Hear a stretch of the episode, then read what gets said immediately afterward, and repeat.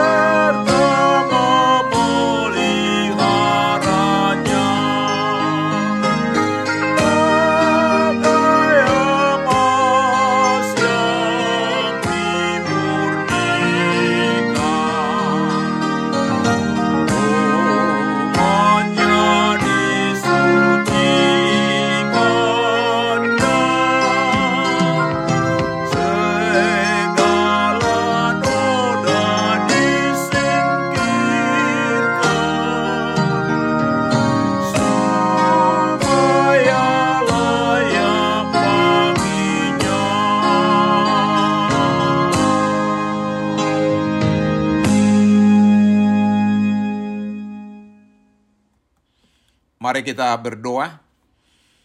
Tuhan Yesus, di pagi hari ini kami hendak merenungkan firman-Mu. Berikan kepada kami hikmat dan pengertian untuk memahami firman-Mu dan tolong kami untuk melakukan firman-Mu dalam kehidupan kami. Amin. Saudara-saudara yang dikasihi Tuhan Yesus, firman Tuhan untuk kita renungkan di pagi hari ini terambil dari Mazmur 66 ayat 20 dengan tema Doa dari hati yang berniat baik, demikian firman Tuhan. Terpujilah Allah yang tidak menolak doaku dan tidak menjauhkan kasih setianya daripadaku. Beruntung sekali pemazmur yang memberikan kesaksian bahwa Tuhan menerima doanya. Berdoa adalah alat komunikasi kita dengan Tuhan.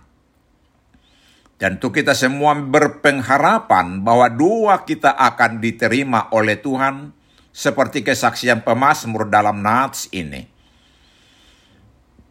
Sekarang bagaimanakah kita seharusnya mengusahakan doa kita supaya diterima Tuhan? Dari pengalaman pemazmur kita dapat belajar Pemasmur berkata, kepadanya aku telah berseru dengan mulutku ayat 17.